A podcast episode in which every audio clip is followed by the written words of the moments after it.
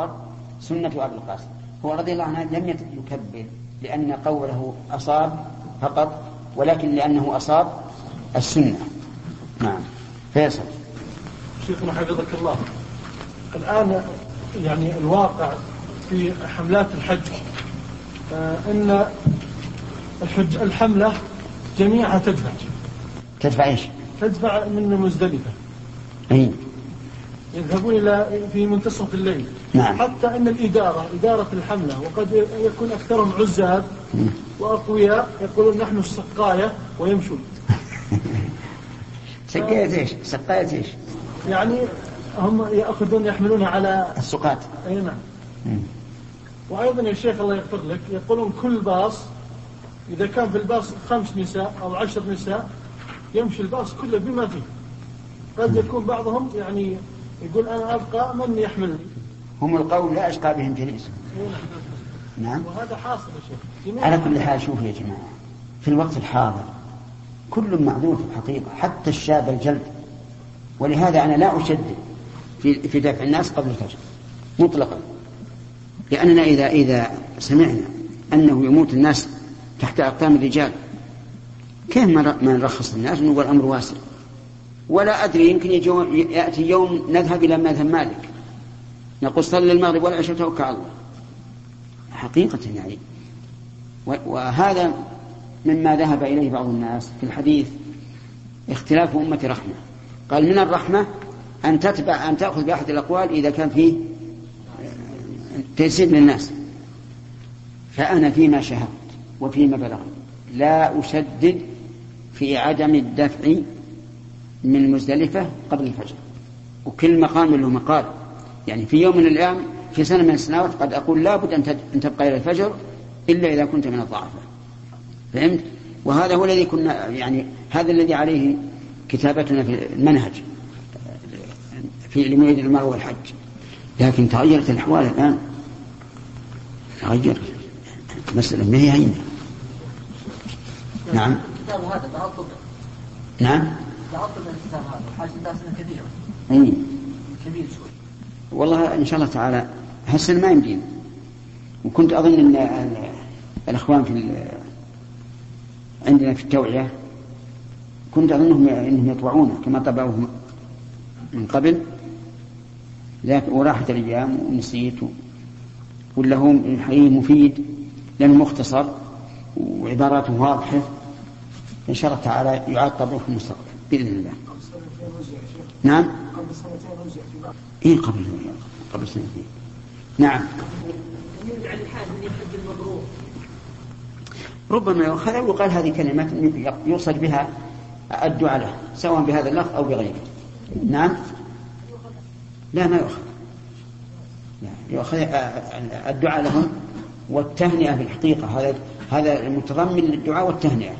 باب ركوب البدن لقوله والبدن جعلناها لكم من شعائر الله لكم فيها خير فاذكروا اسم الله عليها صواف فإذا وجبت جنوبها فكلوا منها وأطعموا القانع والمعتر كذلك سخرناها لكم لعلكم تشكرون لن ينال الله لحومها ولا دماؤها ولكن يناله التقوى منكم كذلك سخرها لكم لتكبروا الله على ما هداكم وبشر المحسنين قال مجاهد سميت البدن لبدنها والقانع السائل والمعتر الذي يعتر بالبدن من غني أو فقير وشعائر الله استعظام البدن واستحسانها استعظام البدن واستحسانها والعتيق عتقه من الجبابرة ويقال وجبت سقطت إلى الأرض ومنه وجبت الشمس.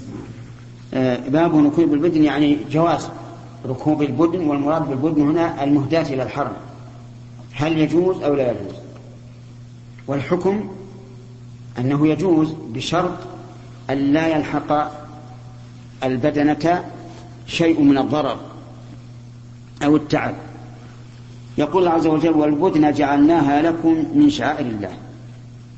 نصب البدن بفعل محذوف. يفسره ما بعده. وهذا يسمى عند النحويين الاشتغال. لأنه, لأنه جاء جاء الضمير. ولو حذف الضمير لكان من باب تقديم المفعول وليس من باب الاشتغال. جعلناها لكم من شعائر الله. جمع شعيرة وهي المشروعات العظيمة التي يجب تعظيمها. لكم فيها خير. اللهم لك الحمد. صدق الله. لنا فيها خير عظيم. تحمل أثقالنا إلى بلد لا نكون عليه إلا بشق الأنفس. ولحم ولبن. فيها خير كثير. وبر وبعر. يعني شيء كثير. لكم فيها خير. فاذكروا اسم الله عليها صواب يعني إذا أردتم نحرها فاذكروا اسم الله عليها. صواب يعني مقيدة إحدى اليدين. وهي اليد اليمنى اليد اليسرى اليد اليسرى. فتكون قائمة على كم؟ ثلاث قوائم ويأتيها الناحر من الجانب الأيمن فينحرها بيده اليمنى حتى تسقط على الأرض. ولهذا قال صواب أي على ثلاث قوائم فقط. فإذا وجبت جنوبها أي سقطت جنوبها على الأرض.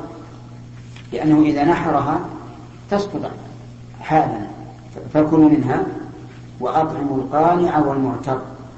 فسر المؤلف القانع بأنه السائل. والمعتر الذي يعتريك ولكن لا أسأل. لكن تعرف من حاله أنه يريد الإطعام. فكلوا منها وأطعموا القانع والمعتر. كذلك سخرناها لكم لعلكم تشكرون. أي مثل هذا التسخير سخرناها لكم. أي دللناها لكم. لعلكم أي لأجل أن تشكروا الله عز وجل. ثم بين تبارك وتعالى أنه ليس المقصود اللحم والدم. المقصود شيء آخر. فقال لن ينال الله لحومها ولا دماؤها. ولكن يناله التقوى منكم. هذا الغرض من نحرها وفي هذا إشارة إلى أن نحر الإبل عبادة مستقلة وكذلك الأضاحي ويفهم منه خطأ أولئك القوم الذين إذا جاء وقت الأضحية دعوا الناس إلى التبرع بالمال ليضحى في مكان في أمكنة أخرى. وهذا فيه مفسدة وفوات مصلحة. فمنها أننا إذا سرنا بالناس على هذا المنهج صار الناس يعتقدون أن الأضاحي مجرد صدقة. ولا يشعر أنه يتقرب إلى الله بذبحها وهذا هو المهم أن يتقرب إلى الله بذبحها ثانيا أن لو سرنا بالناس على هذا المنهج لتعطلت البلاد الإسلامية من شعيرة عظيمة من شعائر الإسلام وهي الأضحية لأن كل أحد يسهل عليه أن يعطي 200 ريال أو 300 ريال ويسلم من الذبح والتعب والرائحة والدم فتتعطل. البلاد عن هذه الشعيرة ومنها أنه يفقد الإنسان الذكر عليها وهي مصلحة عظيمة. سم الله عليه. ولذلك كان هذا الذكر له أثر عظيم في هذه في هذه النحيرة أو الذبيحة. لو ترك التسمية حرمت وصارت ميتة.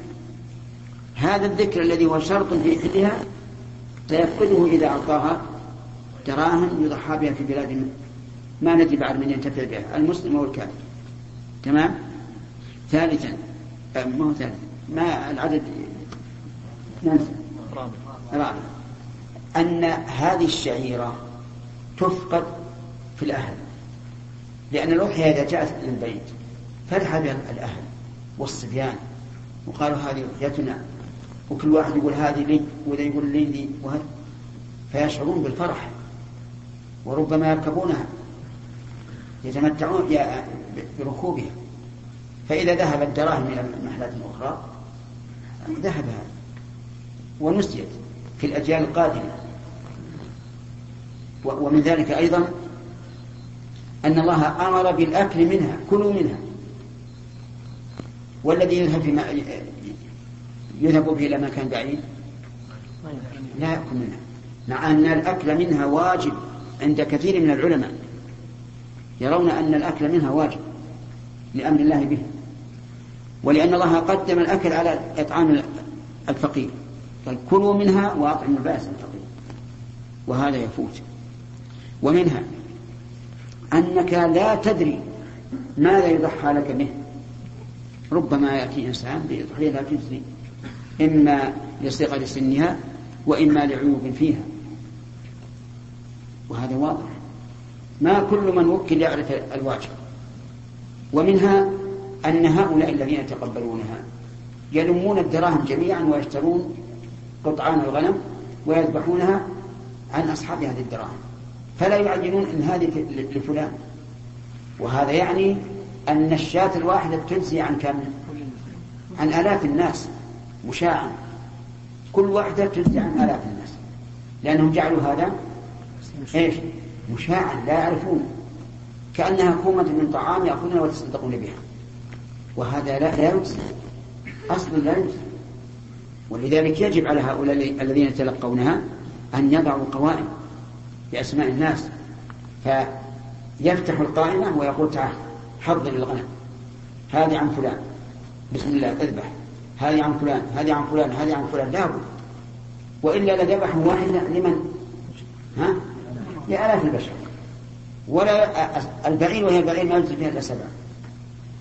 ومنها أن هذه الدراهم الإضاحي ربما يكون الوارد على الهيئة المسؤولة آلاف. لا تجدها في هذا البلد الذي أرسلت الدراهم له. كما جرى قبل سنوات بالنسبة للهدي في منى. عدمت المواشي انتهى. واضطروا أن يؤخروها إلى ما بعد أيام التشريق. فمن يضمن أنه توجد هذه الآلاف المؤلفة في هذا البلد. ثم إذا وجدت من يضمن أن هناك جزارين يستوعبون أن يضحوا بهذه الأضاحي في أوقات الذبح؟ ثم من يأخذ اللحم؟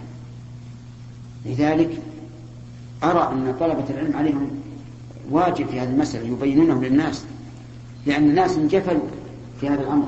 وكل واحد يسأل عليه كل واحد يسأل عليه أنه يأخذ 500 600 ريال يقول يا فلان خذ هذه أضحيتي أضحيها في أقصى الشرق أو أقصى الغرب. لماذا؟ إذا أردت أن تنفع إخوانك أرسل لهم دراهم طعام لباس فرش خيام آباء الأمر واسع. أما شعيرة من شعائر الإسلام أنزل الله في آيات متعددة ونوه بها وأمر بذكره عليها نرسلها للناس. شيء عجيب. لكن الناس إذا انجفلوا ما عاد يفكرون. وطلبة العلم قل من من ينبه على هذا. طيب يقول الله نرجع إلى الآيات. يقول لن ينال الله لحومها ولا دماء ولكن ينال التقوى منكم. إيش التقوى؟ التقوى بدلا من أن يذبح للاصنام اتقى المسلمون ذلك وذبحوا لله الملك العلام عز وجل. فهذه من تقوى الله تبارك وتعالى. كذلك آه، سخرها لكم لتكبروا الله على ما هداكم وبشر المسلمين كرر هذا. تسخيره لنا هذه الإبل. أرأيتم لولا تسخير الله لها؟ نعم. من يقدر لا أحد. إذا كان الذئب هو كفخذ الناقة لا يستطيعه الإنسان. فكيف بالناقة؟ فلولا تسخير الله لها ما قدرناها. الناقة الكبيرة القوية يقودها صبي صغير له سبع سنوات. ويقودها إلى أين؟ إلى مصلحة إن كان يريد أن يشد عليها ويحمل عليها أو إلى مجزرها يعني محل نحرها وهي ثابتة مذللة والحمد لله. وإلا لعجزنا عنها. قال وبشر المحسنين. من المحسنون؟ الذين ينحرونها تقربا إلى الله ويذكرون اسم الله عليها. بشرهم بالقبول. إذا انجفلوا ما عاد يفكر وطلبة العلم قل من من ينبه على هذا. طيب يقول الله عز وجل نرجع إلى الآيات. يقول لن ينال الله لحومها ولا دماء ولكن ينال التقوى منكم. إيش التقوى؟ التقوى بدلا من أن يذبح الأصنام اتقى المسلمون ذلك. وذبحوا لله الملك العلام عز وجل. فهذه من تقوى الله تبارك وتعالى. كذلك آه، سخرها لكم لتكبروا الله على ما هداكم ولا وبشر المحسنين. كرر هذا. تسخيره لنا هذه الإبل. أرأيتم لولا تسخير الله لها؟ نعم. من يقدرها لا أحد. إذا كان الذئب هو كفخذ الناقة لا يستطيعه الإنسان. فكيف بالناقة؟ فلولا تسخير الله لها ما قدرناها. الناقة الكبيرة القوية يقودها صبي صغير له سبع سنوات. ويقودها إلى أين؟ إلى مصلحة إن كان يريد أن يشد عليها ويحمل عليها أو إلى مجزرها يعني محل نحلها وهي ثابتة مذللة والحمد لله وإلا لعجزنا عنها. قال وبشر المحسنين. من المحسنون؟ الذين ينحرونها تقربا إلى الله ويذكرون اسم الله عليها. بشرهم بالقبول والثواب. في فلم تصلي حتى خرج. بحث من لم تصلي. وجدت في الطبراني. يقول حدثنا الخلال قال حدثنا يعقوب بن حميد قال حدثنا محمد بن صالح وأسامة بن حفص عن هشام بن عروة عن أبيه عن أم سلمة أنها قالت للنبي صلى الله عليه وسلم لم أطف بالبيت طواف الصدر. فقال إذا صليت فطوفي من وراء الناس على بعيرك. إذا صليت فطوفي من وراء الناس على بعيرك. على أنها صلت الصلاة اللي, اللي خارج صلاة ركعتي الطواف. ركعتي الطواف. إذا هذا وضح أن صلت قبل أن تطوف بسم الله الرحمن الرحيم. الحمد لله رب العالمين. صلى الله وسلم وبارك على عبده ورسوله نبينا محمد وعلى آله وأصحابه أجمعين. قال الإمام البخاري رحمه الله تعالى في صحيحه في كتاب الحج في باب ركوب البدن. حدثنا عبد الله بن يوسف قال أخبرنا مالك عن أبي الزناد عن الأعرج عن أبي هريرة رضي الله عنه أن رسول الله صلى الله عليه وسلم رأى رجلا يسوق بدنة فقال اركبها فقال إنها بدنة فقال اركبها قال إنها بدنة قال اركبها ويلك في الثالثة أو في الثانية. حدثنا مسلم بن, إبراهيم قال حدثنا هشام وشعبة قال حدثنا قتادة عن أنس رضي الله عنه أن النبي صلى الله عليه وسلم رأى رجلا يسوق بدنة فقال اركبها قال إنها بدنة. قال اركبها قال إنها بدنة قال اركبها ثلاثا البدنة هي الهدي وكأن الرجل تحاشى أن يركب الهدي الذي نواه لله فيعود بعض نفعه إليه إلى نفسه. ولكن النبي صلى الله عليه وعلى آله وسلم بين أن هذا النفع لا يضر الهدي ما دامت تطيق أي تطيق الركوب. فقال اركبها. من باب التيسير. وفي هذه الحديث دليل على أنه لا بأس أن يراجع المفتي ويبين له وهذا كثير في السنة. راجع الصحابة النبي صلى الله عليه وعلى آله وسلم حين أمرهم بالتحلل من لم يسق الهدي. ولما أمرهم بكسر القدور التي طبخوا فيها لحوم الحمر قالوا أو نغسلها؟ قال أو يغسلوها وما دام الإنسان يقصد معنى صحيحا في مراجعة المفتي فلا حرج عليه. هذا من باب الطمأنينة. إن الرسل راجعوا الله عز وجل فيما أخبرهم به. لما بشرت الملائكة امرأة إبراهيم بالولد قالت يا ويلتى أألد وأنا عجوز وهذا بعلي شيخا؟ وقالت مريم أن يكون لي ولد ولم ولم يمسسني بشر. وقال زكريا أن يكون لي غلام وقد بلغني الكبر وامرأتي عاقل فالمراجعة التي يقصد بها الاستيضاح والخير لا بأس به هذا الرجل قال له النبي صلى الله عليه وسلم في الثالثة ويلك. في الثالثة أو في الثانية. ويلك يعني ألزمك الله ويلك والويل هو العذاب. وفسر بأنه واد في جهنم والصحيح أنه لأنها كلمة وعيد. وهي هنا ليست للوعيد وإنما يجري عليه اللسان بدون قصد كما في قول النبي صلى الله عليه وعلى آله وسلم فاظفر بذات الدين تربت يداك. وقال لمعاذ حين قال له يا رسول الله هل يؤاخذ الناس بما يقولون؟ قال ثكلتك أمك يا معاذ وهل يكب الناس في النار على وجوههم أو قال على مناخرهم إلا حصائد ألسنتهم؟ طيب هل يجوز أن يحلبها إذا كان فيها حليب وهي هدي الجواب نعم. وهل يلزم أن يتصدق به أو له أن ينتفع به؟ الجواب الثاني له أن ينتفع به لأنه إنما أهدى البدنة وأما منافعها المنفصلة فإنها لم تهدى. كذلك لو لو أوجبها وفيها حمل دخل في ضمن الهدي ولو حملت بعد ذلك دخل في كونه هديا باب من ساق البدن معه.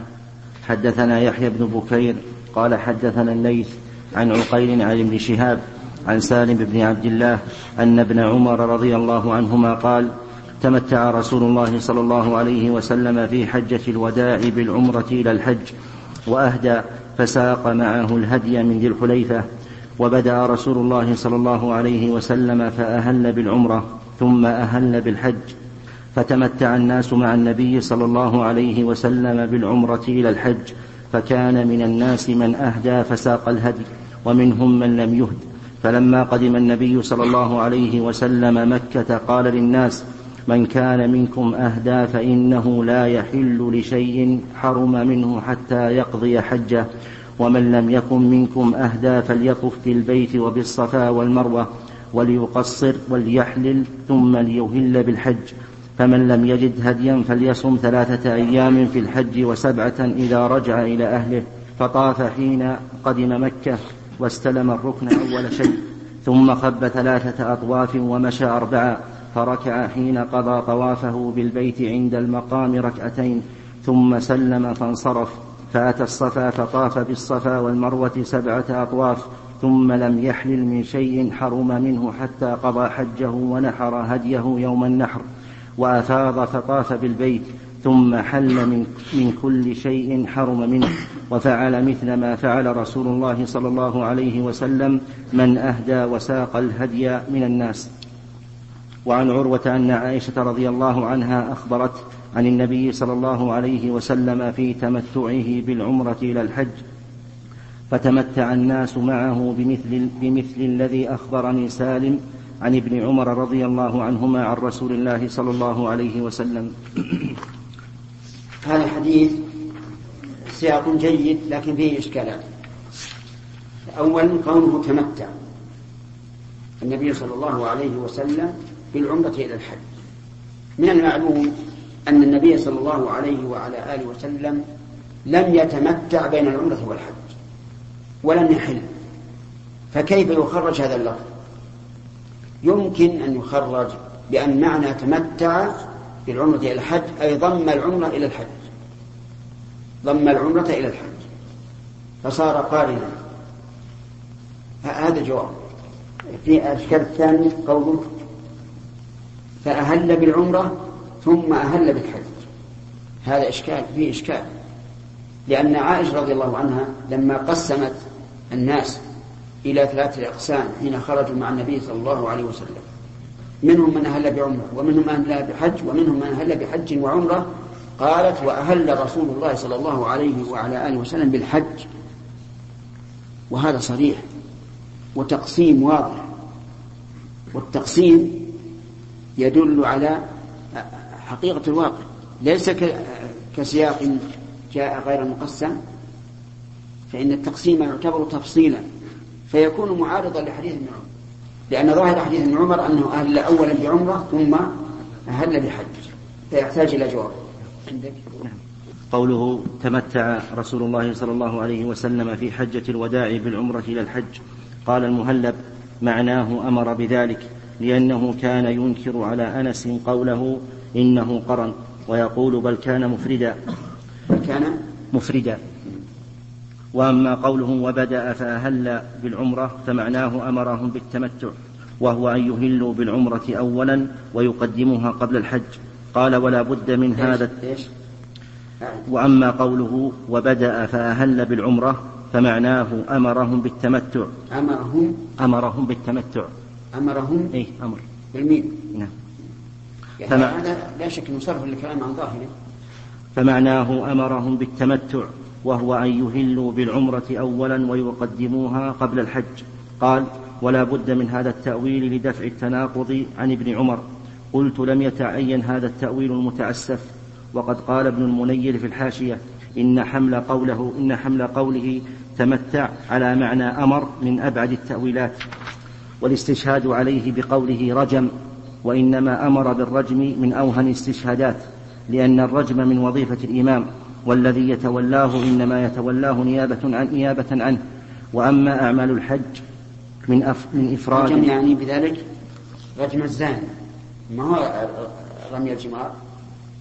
لأنه قال رجم النبي صلى الله عليه وعلى آله وسلم ماعزا يعني أمر برجم وكما قال الإسهاد هذا ليس بواضح نعم. وأما أعمال الحج من إفراد وقران وتمتع فإنه وظيفة كل أحد عن نفسه ثم أجاز تأويلا آخر وهو أن الراوي عهد أن الناس لا يفعلون إلا كفعله لا سيما مع قوله خذوا عني مناسككم. فلما تحقق أن الناس تمتعوا ظن أنه عليه الصلاة والسلام تمتع فأطلق ذلك. قلت ولم يتعين هذا أيضا.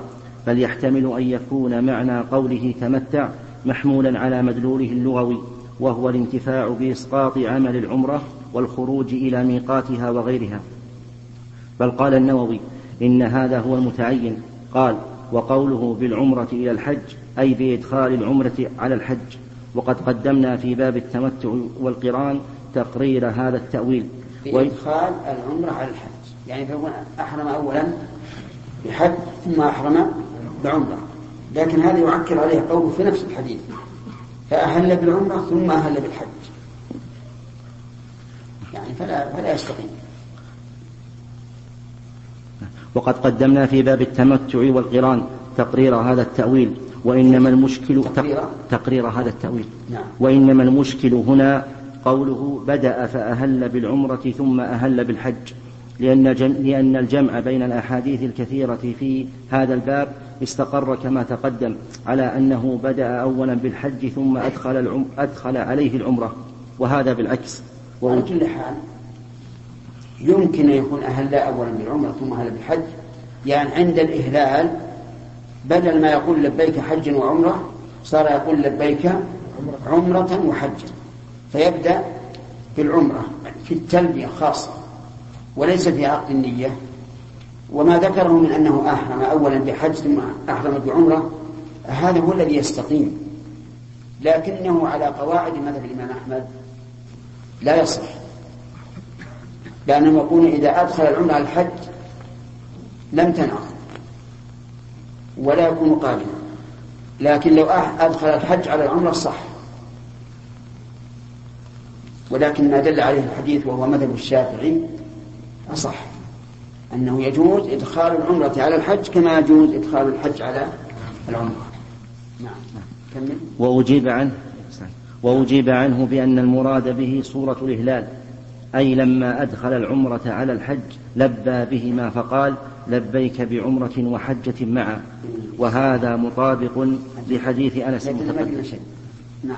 وهذا مطابق لحديث أنس المتقدم. لكن قد أنكر ابن عمر ذلك على أنس. فيحتمل أن يحمل إنكار ابن عمر على كونه أطلق أنه صلى الله عليه وسلم جمع بينهما أي في ابتداء الأمر. يمكن. لكن يمكن. لكن قد أنكر ابن عمر ذلك على أنس فيحتمل أن يحمل إنكار ابن عمر عليه كونه أطلق أنه صلى الله عليه وسلم جمع بينهما أي في ابتداء الأمر.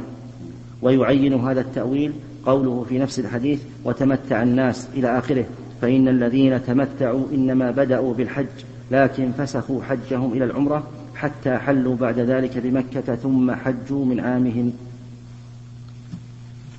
على كل حال لابد من التأويلات لابد من التأويل ليزول الإشكال. فنقول إن كان هذا اللفظ محفوظا بدأ فأهل بالعمرة ثم أهل بالحج فالمعنى المراد بذلك صفة الإهلال فقط. فيقول لبيك عمرة وحجا بدل أن يقول لبيك حجا وعمرة. وأما نفس العقد فالذي دل عليه حديث عائشة رضي الله عنها أن النبي صلى الله عليه وعلى آله وسلم أحرم بالحج. ثم قيل له قل عمرة وحج. فقرن. وعليه فيكون في ذلك دليل على مذهب الشافعي رحمه الله من جواز إدخال العمرة على الحج. وعليه فيكون للقران ثلاث صور. أن يحرم بهما جميعا.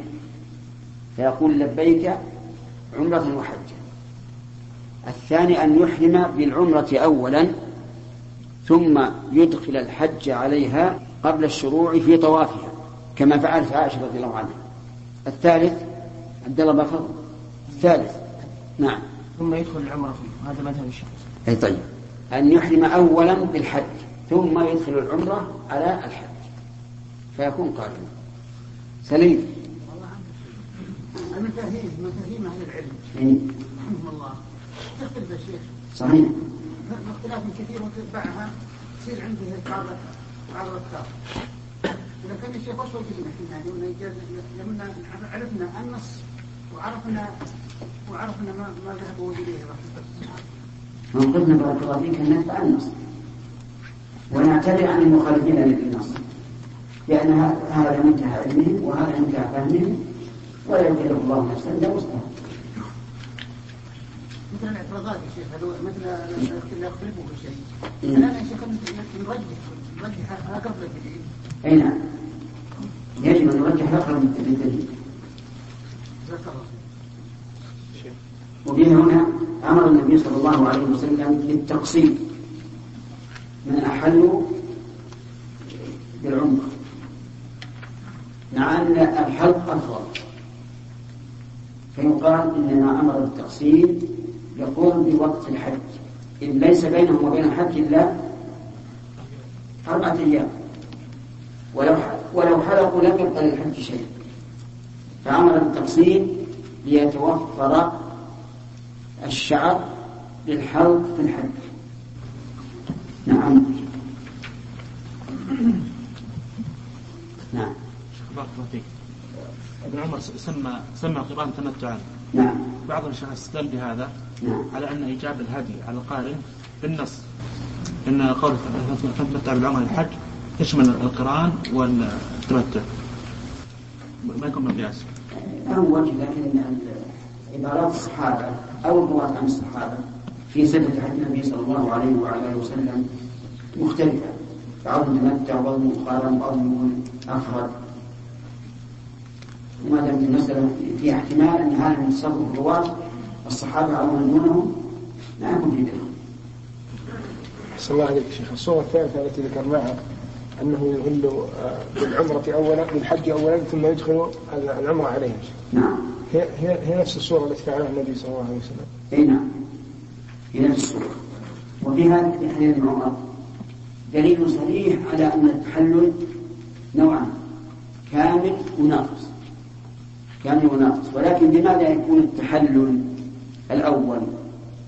الصحيح أنه يكون بالرمي والحرق لكن من ساق الهدي فالظاهر أنه لا بد أن ينحر يقول النبي صلى الله عليه وسلم فلا أحل حتى أنحر. ويكون هذا خاصا بمن ساق الهدي. وغيره يحل بالرمي والحرق وقال بعض أهل العلم إنه يحل بالرمي وإن لم يحل. أيهما أحوط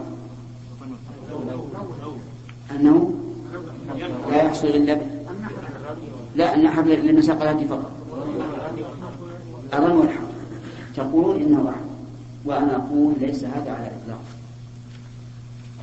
قد يكون الأحوط أن نقول إن آه أنه يحل بالرمي فيما لو جامع الإنسان بين الرمي والحرم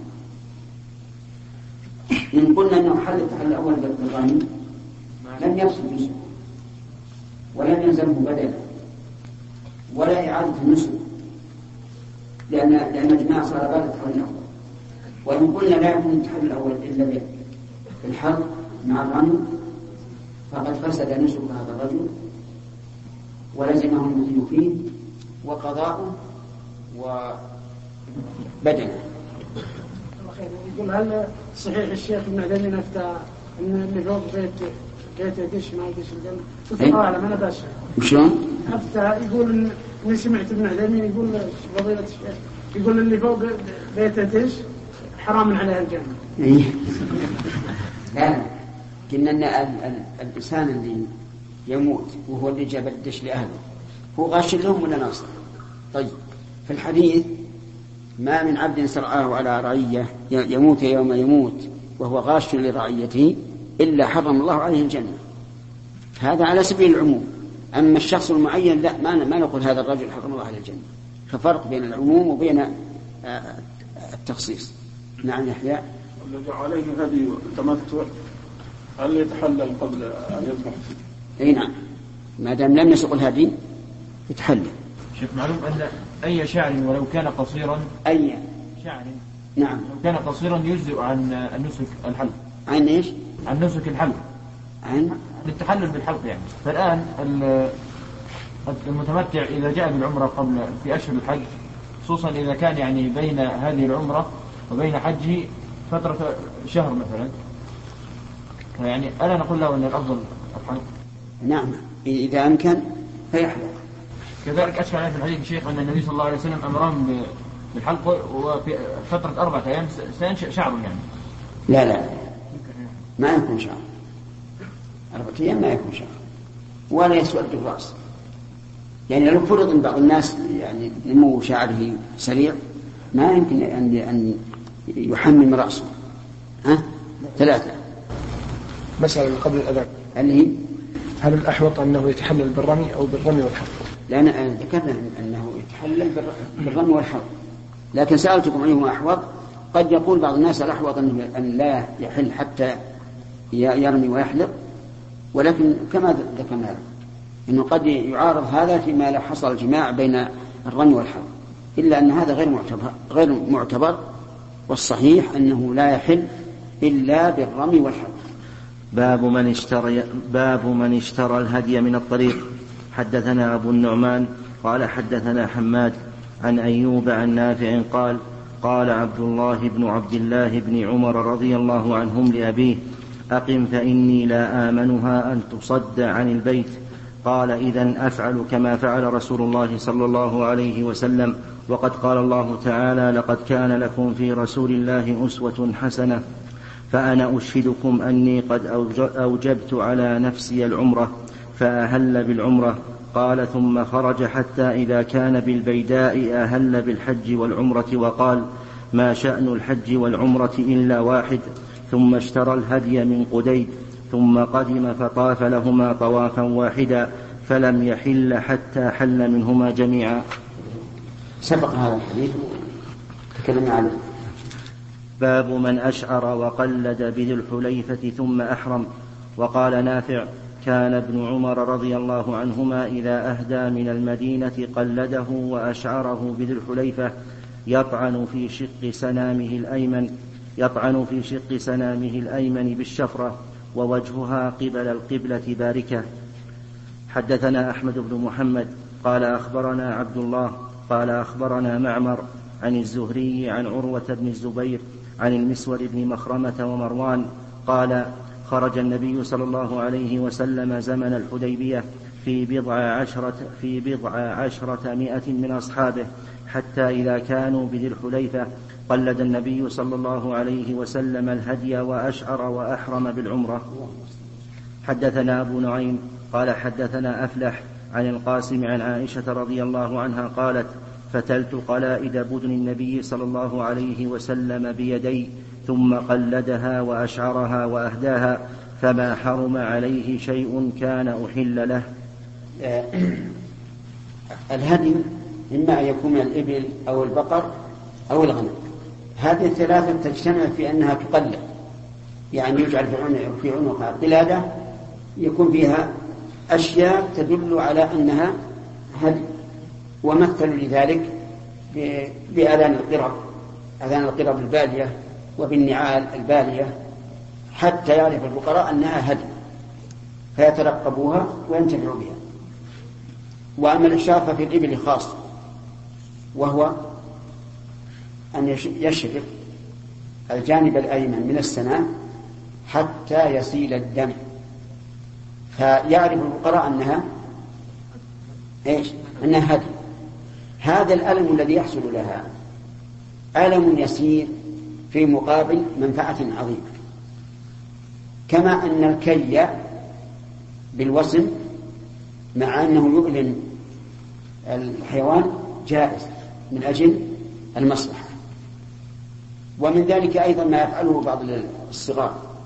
إذا اشترى حمامة فإنه ينتف قوادمها قوادم الجناح. علشان إيه؟ علشان ما تطير. هذا فيه ألم بلا شك. لكن لمصلحة. ليحفظ الإنسان ماله. كالوسم يحفظ الإنسان به ماله. أما حديث عائشة رضي الله عنها ففيه أنه يجوز للإنسان أن يرسل أن يرسل الهدي من بلده إلى مكة ولا يحرم عليه شيء بذلك. لأن التحريم إنما يكون بالإحرام والذي بعثه من بلده لا لم يحرم فيبعث بالهدي ويكون حلا حلالا تاما. نعم يا سليم. أي وش السؤال؟ السؤال إن الرسول صلى الله عليه وسلم قال لا لا حتى انحر نعم. هذا من عندنا كثير من الناس ما معروف هذا السبب بارك الله فيك انهم ما يسوقون هدي. وهذا في من ساق في من ساق الهدي لا يحل حتى ينحر هدي نعم. ذكرنا أن الجماع لو أن رجلا جامع في نهار رمضان قلنا لا نعفيه مما يترتب على ذلك. كيف؟ إذا إنسان جامع في نهار رمضان قلنا لا نعفيه مما يترتب على الجماع من كفارة ولو كان جاهل إيه، لا. ولو كان جاهلا بالكفارة لا بال... لا بتحريم الجماع. اقلب الشريط من فضلك